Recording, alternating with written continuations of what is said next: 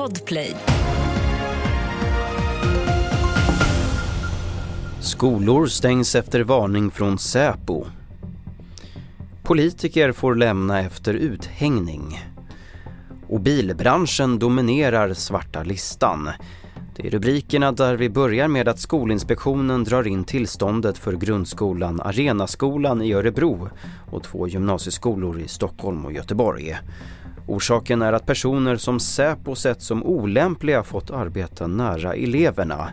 Flera hundra elever berörs. Mer om det här på vår sajt tv4.se och i vår nyhetsapp TV4 Nyheterna.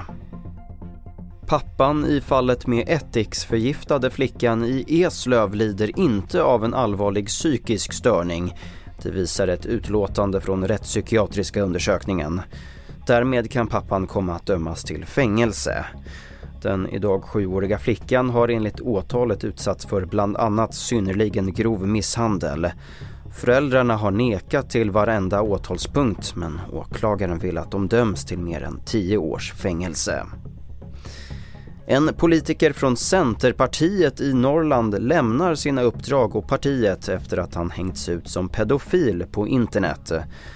Mannen ska ha sagt upp sig via mail och är inte dömd för något brott.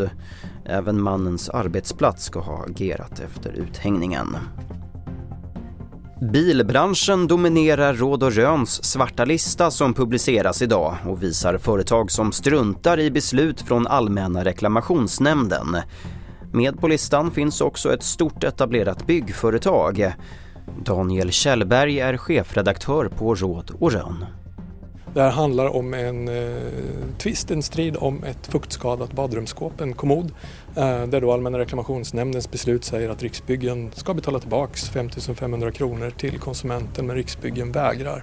Som konsument ska man kunna lita på att om man driver en tvist vidare till reklamationsnämnden och faktiskt får rätt så ska det beslutet också följas. Och det var den senaste uppdateringen från TV4 Nyheterna. Fler nyheter får du på tv4.se. Jag heter Albert Hjalmers.